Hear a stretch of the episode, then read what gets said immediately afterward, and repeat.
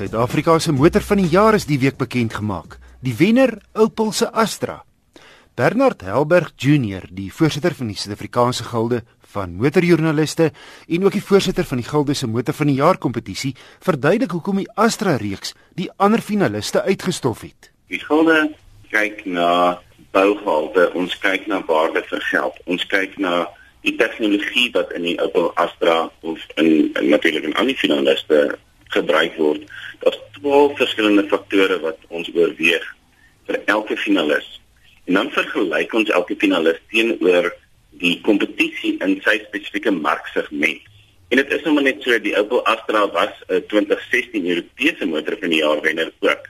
So daar was baie mense wat wat gedink het hier kom 'n ding en ek dink hulle was reg die Opel Astra verteenwoordig regtig baie dinge wat die gilde van motorjoernaliste na soek wanneer ons 'n motor van die jaar kies. Bernard Helberg Junior, die voorsitter van die Suid-Afrikaanse Gilde van Motorjoernaliste.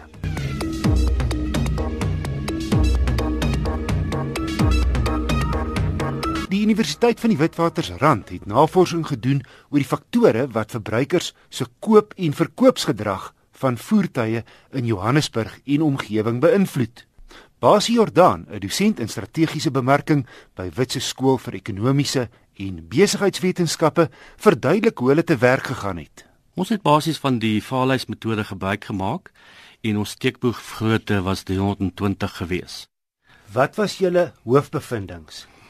Die hoofbevinding wat basies uh, uit die studie uitkom is spesifiek gesentreer om betroubaarheid. Nou, as 'n mens praat oor betroubaarheid, moet jy weet dat daar 'n groot verskil tussen veiligheid en betroubaarheid. In China het hulle 'n soortgelyke studie gedoen en daar het veiligheid, waarde van geld, gerief, verkoopsaspekte uh, ensovoorts uitgekom. In Suid-Afrika blyk dit dat Suid-Afrikaners vind dat betroubaarheid is vir hulle ontsettend belangrik vir die eenvoudige rede dat ons het 'n baie onbetroubare omgewing daar buite en mense voel baie onveilig. En daarom het hulle ongedui dat hulle wil nie met 'n motor gaan staan nie. Hulle wil weet hulle motor werk elke dag soos wat hulle van hom vereis.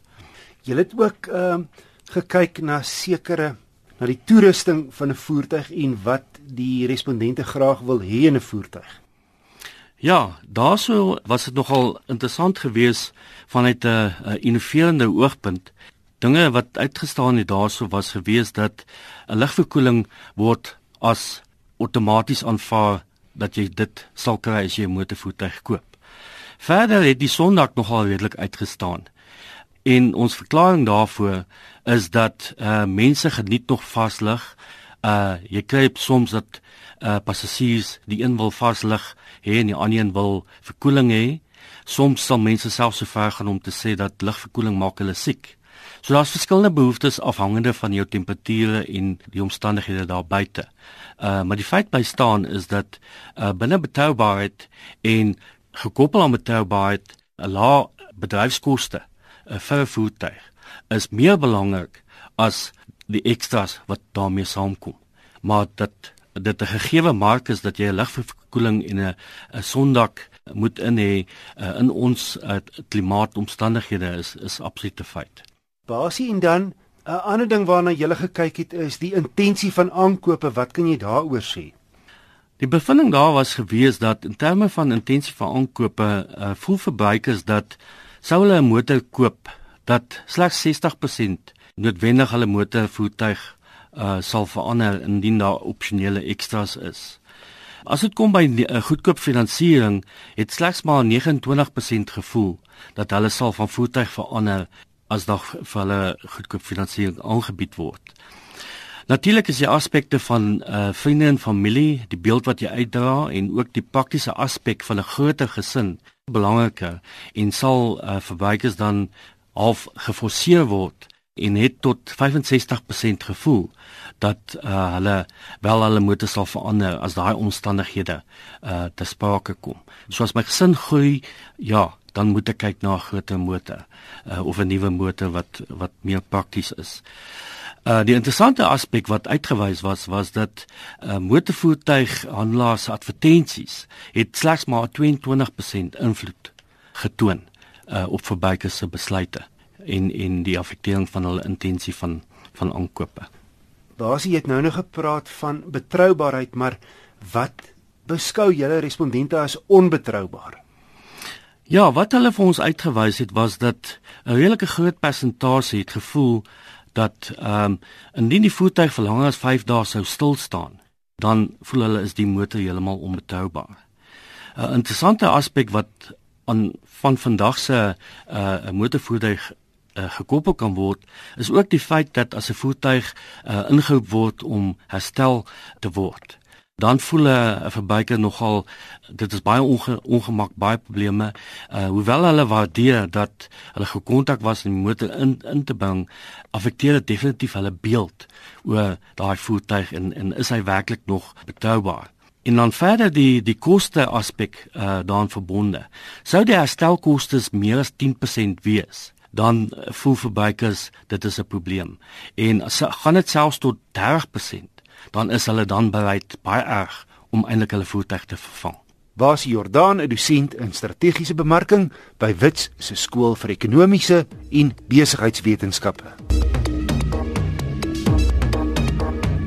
Soms moet 'n mens jou ook knip en weer kyk na deesdae se pryse van die top 4x4 dubbelkajuitpakkies. Anderkant R550 000 vir 'n Isuzu Ranger of Hilux. Maar daar is daarom ook laer spesifikasie dubbelkajuit modelle onder die half miljoen rand kerf. Toyota het onlangs sy goedkoper 2.4 dubbelkajuite opgetof. Nou nie meer staalwiele nie, en nou ook 'n effe breër bakwerk met die uitstaand tipe modderskerms soos op die dierder modelle. En die syflikkerligte sit nou in die kantspieëls. My 2.4 GD 4x4 SRX lyk nou kompleet soos die dierder 2.8 Raider model met identiese groot 17 duim alloy wiele, lekker fris stekkies op 265 met 'n uh, 65 profiel. Net 'n geoefende oog sal opmerk dat die SRX egter nie misligte voor het nie.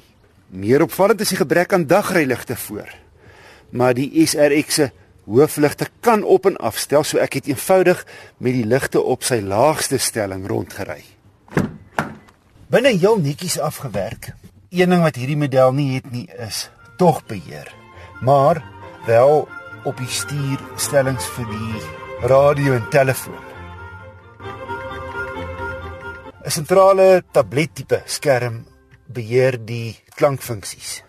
Anders as met die ou Hilux draai eenvoudig 'n knop om by vierwielaandrywing uit te kom en nog 'n vinnige draai van die knop vir die laaste rekradkas ook net gewone ligversorging teenoor die topmodel se klimaatbeheer. Nie dat dit pla nie. En dan kry jy ook nou nie leer op die stuur of ratkierie nie. Dis net een van daai dinge. Hier gaan dit om geld bespaar. Baie ruimte is hierdie nuwe Hilux se tweede naam. Hier is 'n derde lig in die bakdeksel heel agter en hy kan ook oop en toesluit. Waar ek tog voel dat Toyota die bakkie afskeep teen 'n prys van byna 470 000 is veiligheidskenmerke. Geen seiligsakke en geen elektroniese stabiliteitsbeheer of traksiebeheer nie. Ook nie drie sensors nie wat handig te pas kom op 'n voertuig wat oor die 5,3 meter lank is. Die 2.4 GD6 se turbo diesel lewer 110 kW en 'n stewige 400 Nm vanaf 'n lae 1600 omwentelinge. Heel billik, soortgelyk aan die verrigting wat die vorige generasie se 3 liter opgedis het, nou net op 'n meer gesofistikeerde manier. 'n Aangename, gladde rataksie en 'n lekker direkte stuurgevoel. 70 in tweede. Langbene in die boonste ratte. 120 in derde by 4000 toere. 2006 is gelyk aan 130 op die speedometer. Die lang sesterrad het bygedra tot 'n baie goeie gemiddelde verbruik van 8,2 liter per 100 km. 'n halwe liter ligter as die 2.8 outomaties wat ek verlede jaar getoets het. Om op te som, die 2.4 dubbelkajuit teen 468800 rand lyk nou buite soos die gespierde 2.8 ryder. Meer plat op die aarde binne Maar die 2.4 se kraglewering sal vir die meeste kopers voldoende wees en hy's 'n goeie R86000 goedkoper as die 2.8. Verder is die 2.4 SRX 4x4 maklik om te bestuur, heel gerieflik en dan is daar natuurlik die kwessie van Toyota se goeie reputasie as dit kom by betroubaarheid.